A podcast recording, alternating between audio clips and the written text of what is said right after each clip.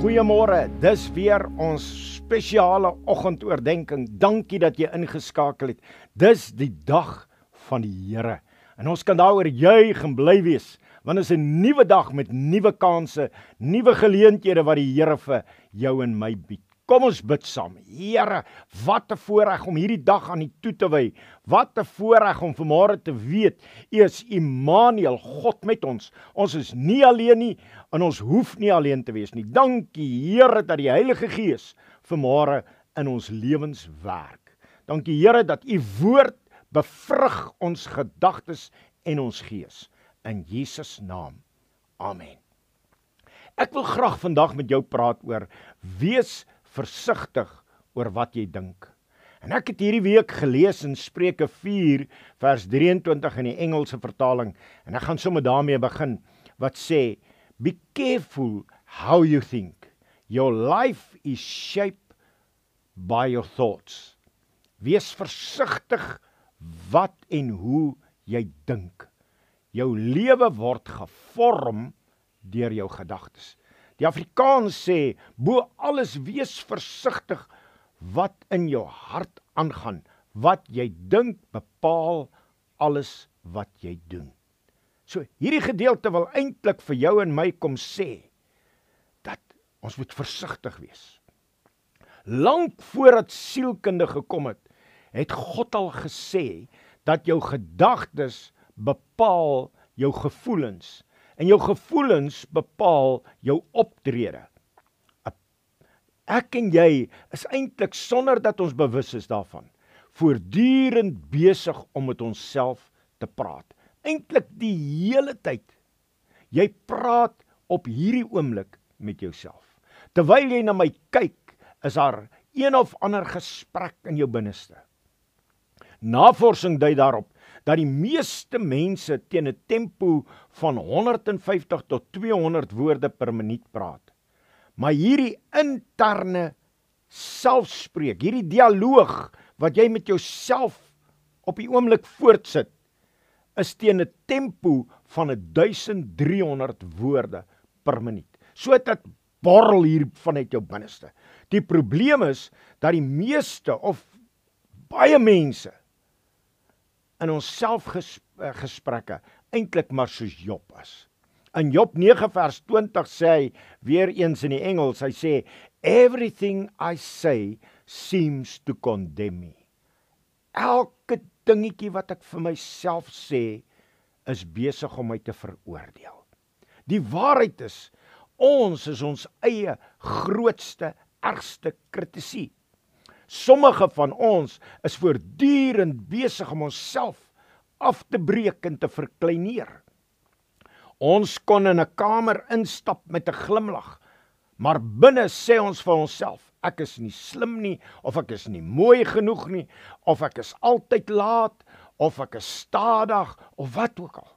Die meeste van hierdie dialoog in ons harte is eintlik onbewuslik en ons neem nie notisie daarvan nie. Wanneer jy jouself verkleineer, wie verkleineer jy eintlik? Wat eintlik gebeur, jy wys 'n vinger na die Skepper wat jou gemaak het. Wanneer jy sê, God, ek is waardeloos. Ek is nie goed genoeg nie. Ek kan niks vir myself doen nie. Sê jy eintlik, God, jy het 'n fout gemaak. Daarom sê God, dis verkeerd om jouself af te breek, jouself te verkleineer, jouself neer te druk, om vir jouself negatief te wees. Maar hoe skakel ek hierdie negatiewe selfspraak uit sodat ek baie meer selfversekerde persoon kan word? Die persoon wat God eintlik gemaak het wie ek en jy moet wees. En ek het uitgevind in 'n skrif gekry en dit gaan oor die beginsel van vervanging. Ek vervang my negatiewe woorde met ander woorde. En hoor wat sê Filippense 4 vers 8. In die Engels sê hy fix your thoughts on what is true and good and right. Think about all you can praise God for and be glad about it. In die Afrikaans sê vul jou gedagtes met alles wat waar en eerbaar en skoon en suiwer en lieflik en lofwaardig is. Die Engels is so, uh, ek en jy moet ons op 'n plek kom waar ons ons gedagtes fokus op wat waar en goed en reg is. Dink daaroor om die hele tyd die Here te prys vir wie ek is en wees bly daaroor.